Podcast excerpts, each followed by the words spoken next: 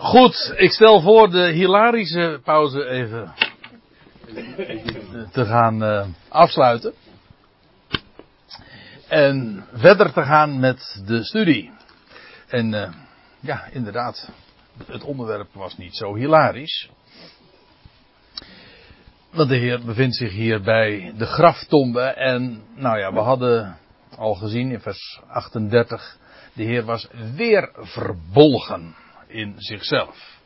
Briesend om de reacties uh, daar om hem heen. Het ongeloof, maar vooral ook het wantrouwen. Steken onder water. Eigenlijk zit dat er ook in. En dat liet hem niet koud. Hij was verbolgen. Hij ging naar de graftombe. Dat nu was een grot en een steen lag er tegenaan. We hebben al, de, al eerder overwogen dat dit een, best wel een, een, dure aangelegenheid geweest moet zijn in die dagen. Graven heb je in soorten en maten, maar uh, dit was dus een tombe. En hier wordt dat ook uh, uitgelegd, zoals we later in het Johannes-evangelie ook vinden, over de hof van Arimathea. Daar was ook een grot, een, een nieuw graf. Nou ja. Maar in ieder geval, dat was voor de welgestelde. Dat was uh, prijzig, duur. En zo'n graf, daarin lag ook Lazarus. En er lag een steen tegenaan. Jezus zei dan, neem de steen weg. En de omstanders hebben dat ongetwijfeld opgevat als een, als een verzoek of als een opdracht, want Jezus zou nog een keer de overledene willen zien. En dan is het. Uh, maar feitelijk, en dat is wat er echt achter zit. Neem de steen weg. In feite is de, dit al deze opdracht, het is een proclamatie al van opstanding. De steen die wegrolt, dat wijst op dat wat gaat gebeuren. Namelijk de dood die wordt overwonnen. Het graf wordt geopend. Normaal gesproken is het zo dat het graf wordt afgesloten en dat is ja, met recht het afsluiten van het leven dat voorbij is. Maar hier wordt dat graf waar al een steen af voor was gerold, dat die steen wordt weggenomen. En ik zei al, in uh, Nieuwbuin hoop ik zondag daar uh, heel wat meer voorbeelden van te geven in de Bijbel.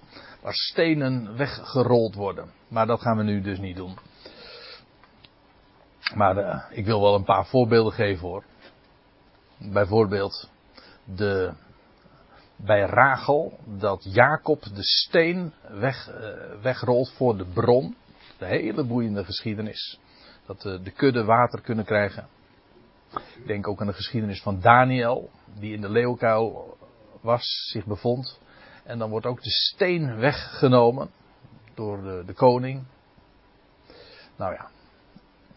Als u meer daarover wil weten, ik zou zeggen, kom aankomende zondag eens in Nieuwbuin.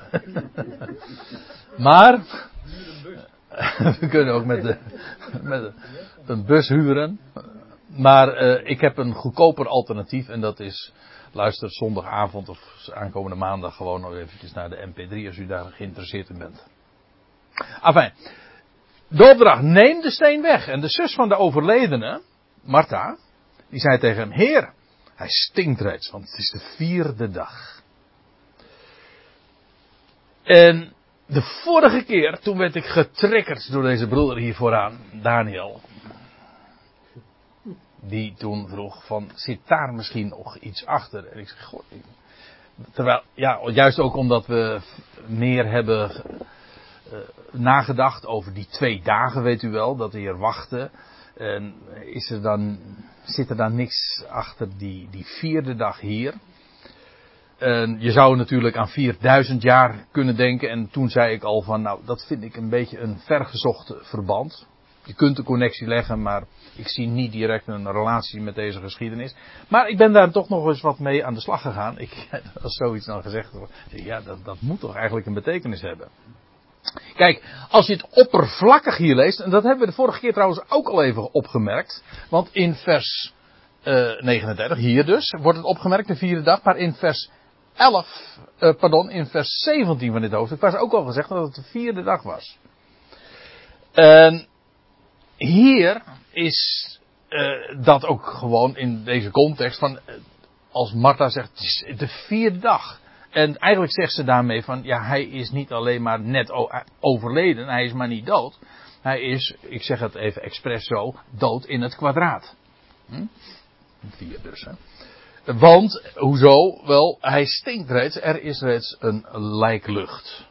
En vier heeft in de Bijbel, in de symboliek in het algemeen trouwens, maar ook in de Bijbelse symboliek, de, is het getal van de vergankelijke wereld. En ik heb, uh, ik wil daar wel een wat voorbeelden van geven in de Bijbel zelf. He, heb je de vier hoeken der aarde. Wat uh, wel is. Uh, de Bijbel is verweten van ja, dat zou een, duiden op een antiek wereldbeeld. Wat natuurlijk onzin is, want de Bijbel spreekt namelijk ook over het rond der aarde. Nou, ik heb nog nooit een, een vierkant rondje gezien. Hè? Dat bestaat niet. Maar het is niet zo moeilijk, want uh, de uitdrukking vier hoeken der aarde, dat vind je in het boek Openbaring. En er wordt er ook meteen bijgezegd uh, waar het op betrekking heeft, want er wordt het meteen gelinkt aan de vier windstreken. En dan gaat het dus over de vier windhoeken. En in het Latijns wordt er dan gesproken over quadratus. En daar komt ons woordje kwadraat vandaan, maar kwadraat betekent gewoon vier, vier hoek. De vier hoeken der aarde. Je hebt de vier seizoenen. Lente, zomer, herfst en winter. De vier elementen. Voor ons misschien niet zo bekend, maar antieke wereld is dat uh, heel bekend. Water, lucht, vuur en water. Nee, uh, dat moet kan niet. Uh, wat was nou? Water, vuur, lucht en aarde. Dat moet het zijn, ja. Ja. Dat ga ik nog even corrigeren. Vier maanfasen. Nieuwe maan, groeiende, wassende maan, volle maan en krimpend. of afnemende maan. Vier etmaalfasen, de morgen, de middag, de avond en de nacht, nou ja, enzovoorts. Vier staat voor de uh, vergankelijke wereld, voor de wereld in het algemeen. En daar zit trouwens nog iets achter, nou komen we nog wat dichterbij, namelijk dat in het Hebreeuws de vierde letter ook uh, de, het cijfer, eh, het getal 4 vertegenwoordigt. Want u weet, uh, en als u het niet weet, een Hebreeuwse letter is niet alleen maar een letter, het is ook een getal. De eerste 10 letters uh, is 1 tot en met 10. Waarvan we er een aantal sowieso al kennen, want wij spreken over vijf stuivers. Dat is een kwartje, hè, dat is een heitje, maar dat, is, dat, dat komt van het Hebreeuwse. Hier, de, he. Vijf maal vijf. Een heitje. En uh, voor een jood zit je goed. De jood is namelijk de Hebreeuwse jot. Dat is de tien. En wat ik ermee wil zeggen is, een, een, een Hebreeuwse letter is een getal. Na de tien krijg je dan, uh, ja, tot, uh, tot twintig. Ja, zo is het eigenlijk. Uh, Nee, dat zeg ik helemaal verkeerd, joh. Nee, wacht even, nou gaat het niet goed. De, dit, is, dit zijn de. het verhaal klopt namelijk tot, tot 10.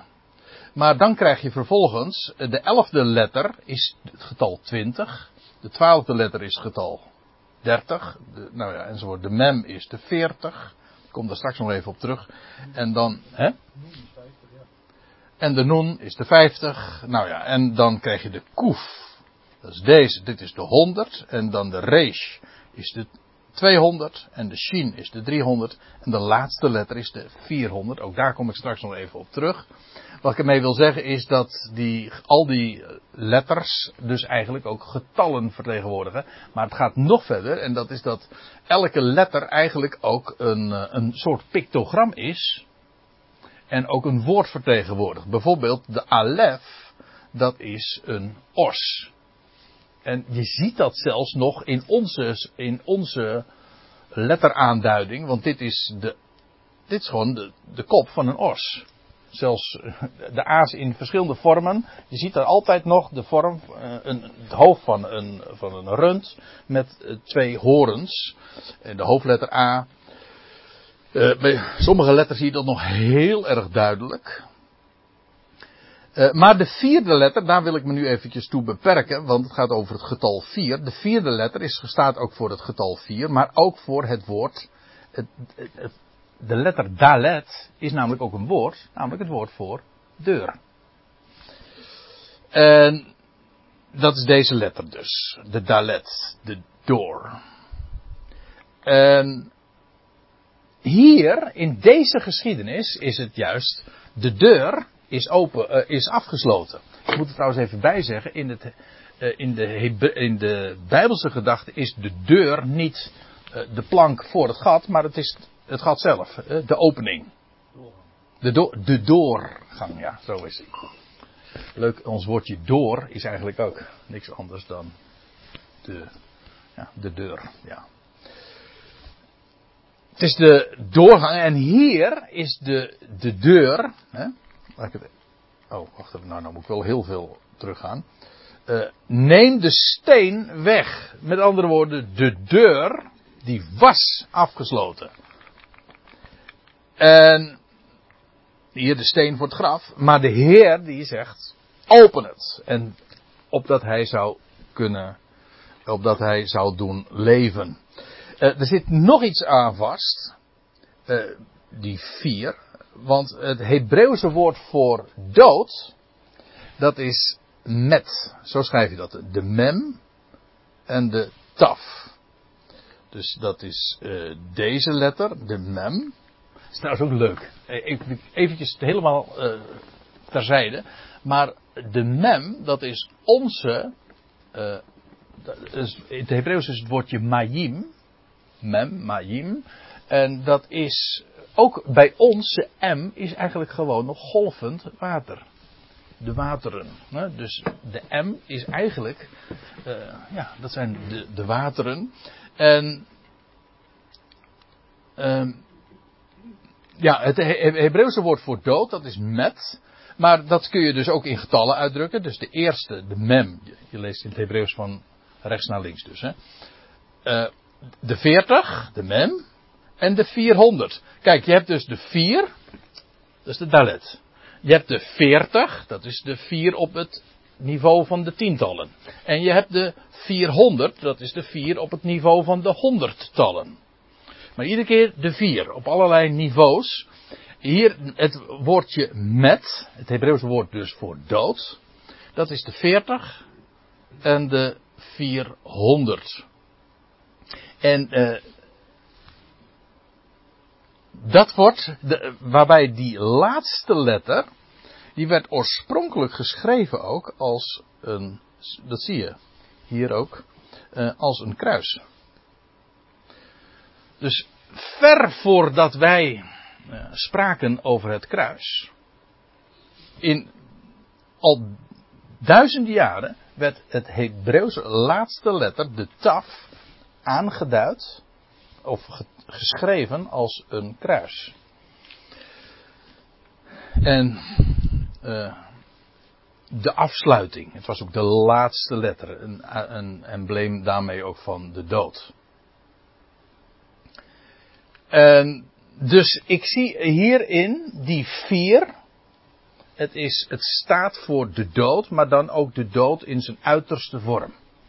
En dat is eigenlijk wat zij hier ook zegt, hij is reeds, uh, dit is reeds de vierde dag en het ruikt reeds. Dus er is inderdaad sprake van de dood in de, op het hoogste uh, niveau. Of, nee, of op het diepste niveau. Maar in ieder geval in de uiterste zin des woords. Dus, dus die is niet, niet zozeer een profetische uh, link, maar wel in de symboliek klopt dat ook helemaal. Die vier staat voor de dood. Heel nadrukkelijk voor de dood, ja. Dus die connectie zie ik uh, ook in de typologie wel degelijk ook uitgedrukt.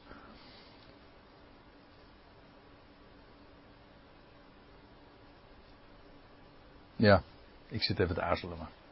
Dus, dus, he, want Hebreeuwse symboliek is, is een geweldig onderwerp. Eén dingetje wil ik erover zeggen nog. Nu ik dit zie, met, dat is dood hè. Als je één letter ervoor zet, namelijk de eerste letter, de alef, dan krijg je emmet. Um, ja, emmet. En weet u wat emmet is? Dat is waarheid. En eh, in de Hebreeuwse symboliek is de alef staat voor God zelf. Die aan het hoofd staat, de eerste. Ik ben de alfa, ik ben de alef. Het ene is het Griekse alfabet, het andere is het Hebreeuwse alfabet. Maar uiteindelijk ook het Griekse alfabet komt weer van het Hebreeuws af. De alfa is gewoon niks anders dan deze, de alef. Ik ben de alef. En mag ik er nog één ding over zeggen? Volg je nog? Maar deze, die, die, die zegt heel mooi. Die alef staat inderdaad voor de een, de ene, de eerste, voor God zelf. Maar weet je wat het, uh, in het Hebreeuws ook zo mooi is van die alef? Dat is namelijk, dat zijn twee spiegelende jods. Met in het midden, de spiegel, de waf. Die verbindt ze. En nu moet u weten, dan krijg je dus twee jods, dat zijn twee keer, dat is twee keer tien. En die waf, dat is deze letter, dat is deze letter, dat is de, die verbindt, de nagel. En dat betekent dat de alef feitelijk een samenstelling van letters is, namelijk van twee jods en een waf. Van twee keer tien plus de zes. Oftewel de 26. Maar de 26 is, markeert de godsnaam. Namelijk Yahweh. JHWH. Maar dat is 10, 5, 6, 5. Oftewel, de godsnaam is 26. Dat zie je al in die Hebreeuwse letter Alef. Uitgedrukt. Nou, nu kom ik even weer terug bij dat Emmet. Als je van de waarheid de Alef losmaakt, de een er, er scheiding maakt hè, tussen de waarheid haal je de God weg, weet je wat je overhoudt? Met nood. Dus, hè, dat is geweldig hè. De waarheid begint met God zelf. De ene. Haal je de ene weg, hou je dood over. Prachtig toch, hè? Ja, daarom die Hebreeuwse symboliek. Het zijn, het zijn pictogrammen, het zijn getallen. En, en daar wordt een verhaal aan zich al in verteld. In zo'n woord, daar zit een heel. Ja, ze zeggen wel eens een keertje. Een plaatje is meer dan duizend woorden. Nou, uh, eigenlijk al die letters zijn plaatjes. Het zijn pictogrammen. En een woord zelf is ook weer een verhaal. Want als je al die letters dan ook bij elkaar koppelt, dat is nog weer een, dat is, dat is, nog, weer een hoofdstuk apart. Als je al die pictogrammen dus bij elkaar uh, verzet, krijg je dus ook weer een verhaal. Dan krijg je een soort van, wij zouden zeggen, een stripverhaal. En dan zie je gewoon allemaal tekens. Beeldtaal, ja. Maar goed. Daniel, eigenlijk ben jij hier de schuldige van, van deze uiteenzetting. Jij vroeg, heeft, dat, heeft die vier hier nog een speciale betekenis? En dan zeg ik, ja, ik geloof dat die vier hier inderdaad heel speciaal ook van de dood spreekt. Van de, van de deur, maar ook van de dood. De, nou ja, deze uiteenzetting. Eh, vandaar dus. En uh, ik moet erbij zeggen, ik, ik hou heel erg van typologie en van symboliek. Maar ik moet er ook bij zeggen dat je wel altijd de letterlijke betekenis voorop laat gaan.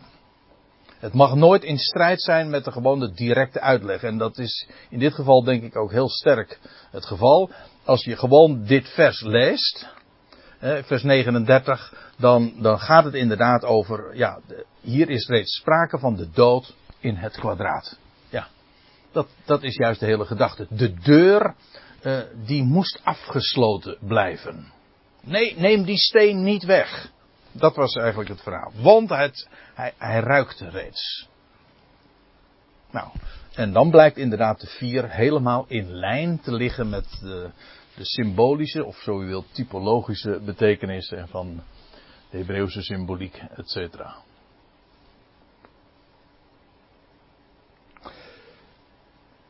We vervolgen. Vers 40. En Jezus, nadat dus Martha had tegengestribbeld, zei van nee, dat, dat, kunnen we niet doen. Die, die, die, die opening moet gewoon dicht, eh, die, die deur moet eigenlijk dicht blijven. En Jezus zei tot haar, zei ik niet tegen jou, dat indien je, oh, dat moet één keer zijn natuurlijk, indien je zou geloven, je de heerlijkheid van God zou zien. Zij kon zich niet voorstellen dat de opdracht die de Heer gaf niet zomaar was, maar dat dit juist, zij dacht van hier is sprake van de dood in het kwadraat. En de Heer zegt, ja, maar juist daardoor kun je de heerlijkheid van God gaan zien. Namelijk tegen dit contrast van dood, echt dood, zelfs lijklucht, ga ik laten zien wat leven is. En dat is die heerlijkheid van God. En wat had de Heer Jezus aan het begin van deze geschiedenis gezegd? In hoofdstuk 11, ditzelfde hoofdstuk in vers 4 hadden we gelezen dat de Heer Jezus nog uh, blijft daar in het overjordaanse. En dan zegt hij, deze zwakheid, deze ziekte is niet tot de dood. Dat wil zeggen, het is niet met het oog op de dood. Integendeel, het is met het oog op opstanding uit de dood. Die dood is alleen maar een noodzakelijke voorwaarde om opstandingsleven aan het licht te brengen. Zonder dood geen opstanding. Dat is het, uh, eigenlijk het verhaal.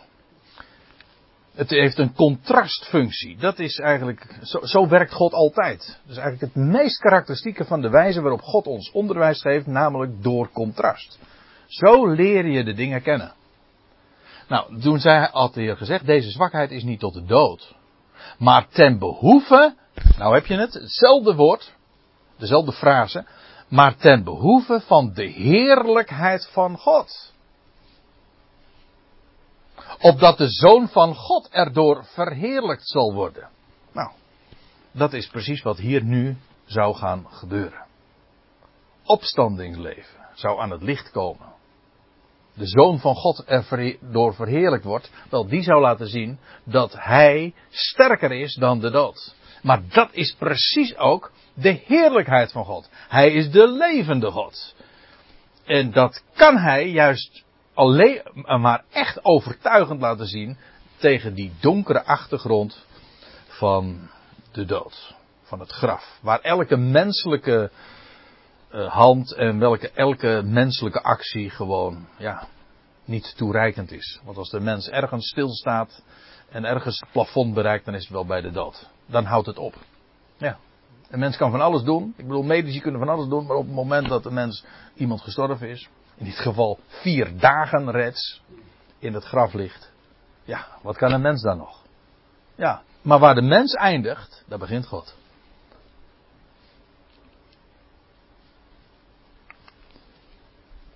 Nou ja, ze namen dan de steen weg. En Jezus staat er dan. En Jezus hief de ogen opwaarts. En hij zei: Vader, ik dank u dat u mij hoort. Oh. Um, ja, jij hief de ogen opwaarts. Die vind ik mooi. Dat eh, vinden we al vaak in het, in het uh, Oude Testament. Bekend is deze woorden, zijn deze woorden uit Psalm 121. Hef mijn ogen op naar de bergen van waar mijn hulp komen zal. Ik vind deze trouwens, ik heb hem expres uit de Statenvertaling geciteerd. Want de NBG-vertaling, die, daar hou ik helemaal niet van. Want daar, is het, daar hebben ze een vraag van gemaakt. daar, daar, wordt het een. een, een ik, ik, uh, ik hef mijn ogen op naar de bergen van waar zal mijn hulp komen? Dat, daar klinkt vertwijfeling in. Maar het is juist geloof. Ik hef mijn ogen op. Maar hoezo? Wel daar uit, van omhoog, daar komt mijn hulp vandaan. Dat blijkt ook wel, want als je even doorbladert in hoofdstuk, uh, uh, hoofdstuk 123 van de psalmen, daar staat meteen, ook in het eerste vers, ik hef mijn ogen op tot u, die in de hemelen zit. Daar komt hulp vandaan. En dat is precies ook de richting waarin een mens geacht wordt te kijken. En als ik het zo zeg, dan wil ik u nog iets vertellen.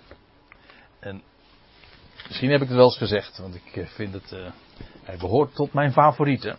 En dat is het woord anthropos in het Grieks. Het woord voor mens in het Grieks is anthropos. Dat kennen we allemaal, antroposofie. Je kunt antropologie studeren. Nou ja, anthropos. Wat heb je nog meer?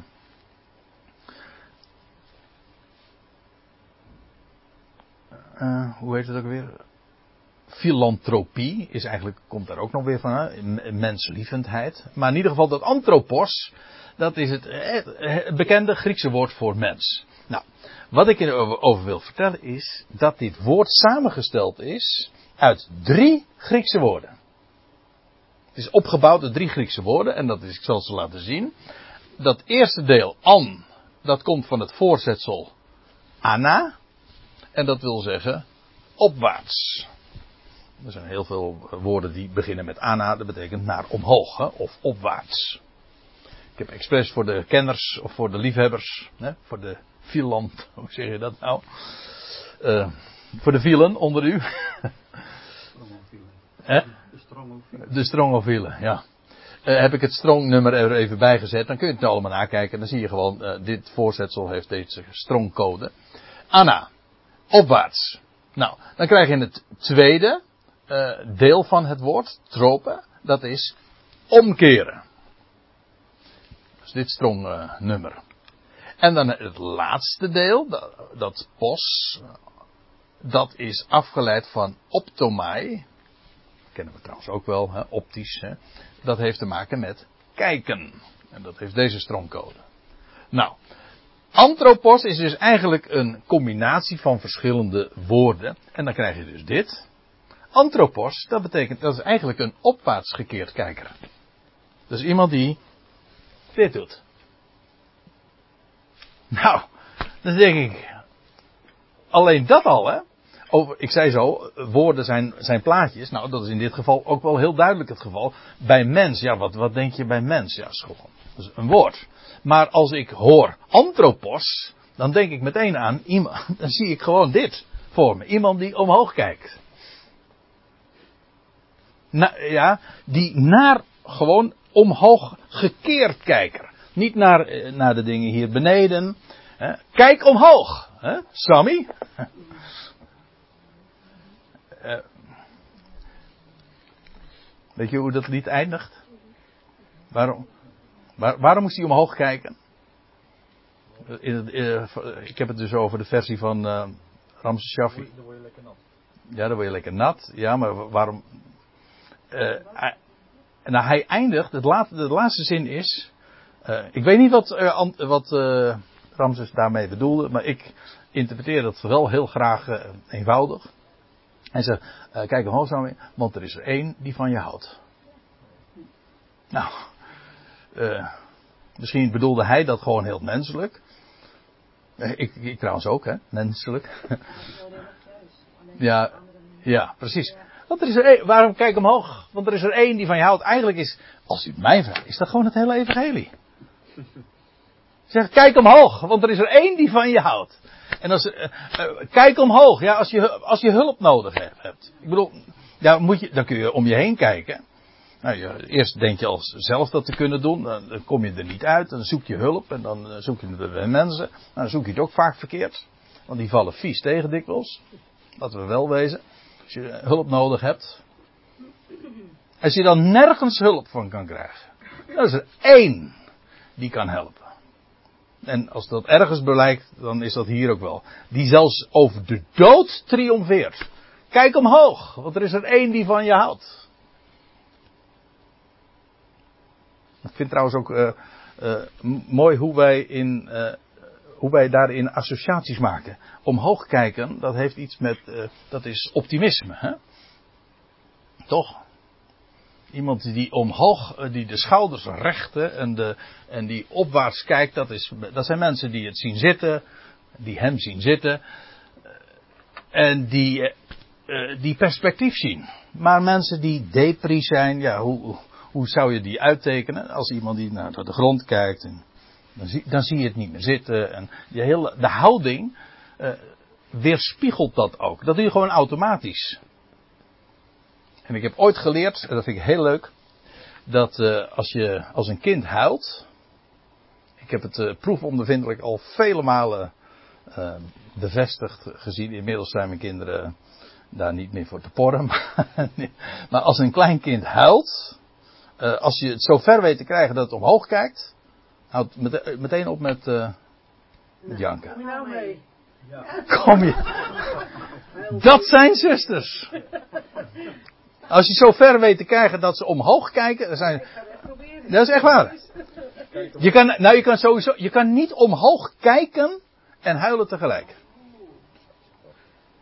Daar zit toch ook een geestelijke les in, hè? Is dat fysiek niet mogelijk? Nee, ga jij maar eens omhoog kijken. Dat, dan, uh, trouwens, nee, maar er zit, er zit nog iets achter, denk ik. Omdat is dat bij kijken. Uh, iemand die huilt, die is eigenlijk in zichzelf gekeerd. Die kijkt sowieso niet. Ja, misschien.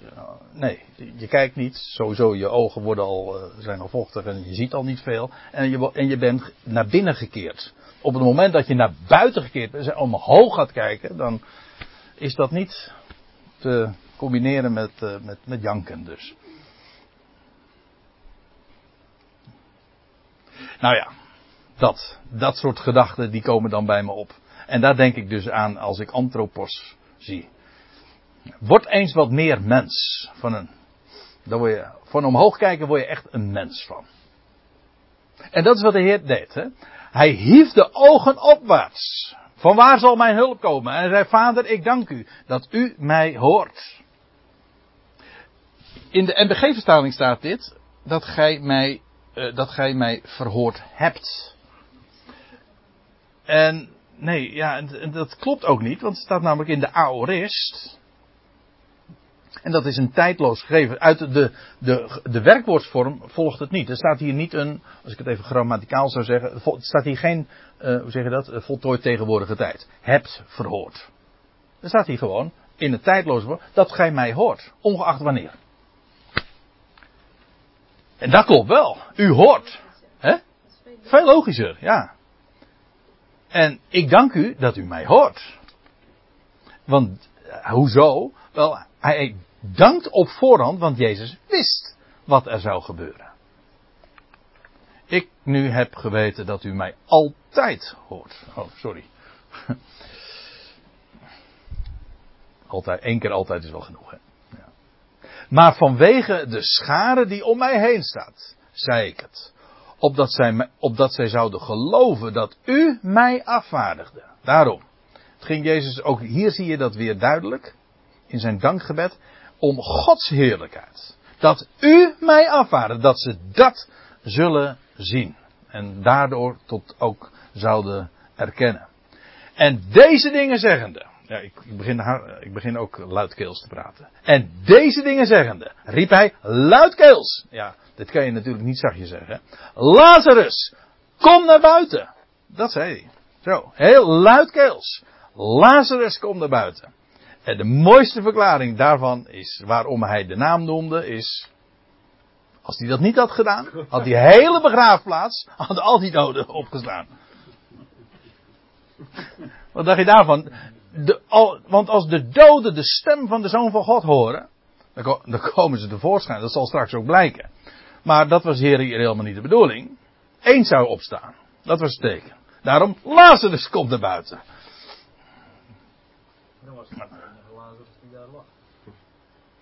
Die daar Lazarus lag. Die daar. waren er wel twee nuchters. Ja, dat is wel een mooie naam, Lazarus. Maar daar hebben we het ook over gehad. Hè? God, dat, Lazarus, dat is mijn God helpt. En hier was ook de vraag van, hij, hij hief zijn ogen op, van waar, van waar mijn hulp zal komen. En Lazarus komt naar buiten.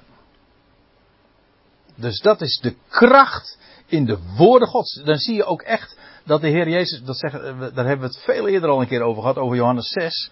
Dat de Heer zegt van, mijn woorden zijn geest en leven.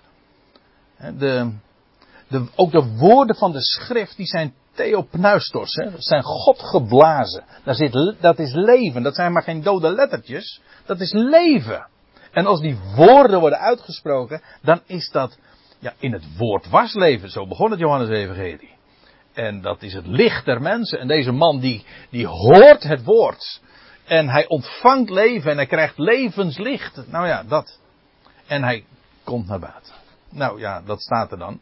Oh, in Romeinen 4 wil ik nog even op wijzen. Romeinen 4, daar lees je, zoals geschreven is, tot, uh, in Genesis, dat tot een vader van vele natie heb ik jou geplaatst. Dat wordt tegen Abraham gezegd. En dan staat erbij, en ten aanschouwen van een God die hij, Abraham, geloofde, die de doden levend maakt en het niet zijnde tot aanzijn roept. Dat is zijn woord. Hij is de levende God.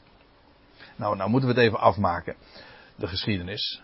En dan staat er nog in vers 44. En de, en de gestorvene ging naar buiten. Heel eenvoudig. Hij, hij heeft gehoord. Het begon dus feitelijk met al. Uh, met het feit dat hij het vermogen had om te horen. Daarmee ontving hij leven. En de gestorvene, hij ging naar buiten.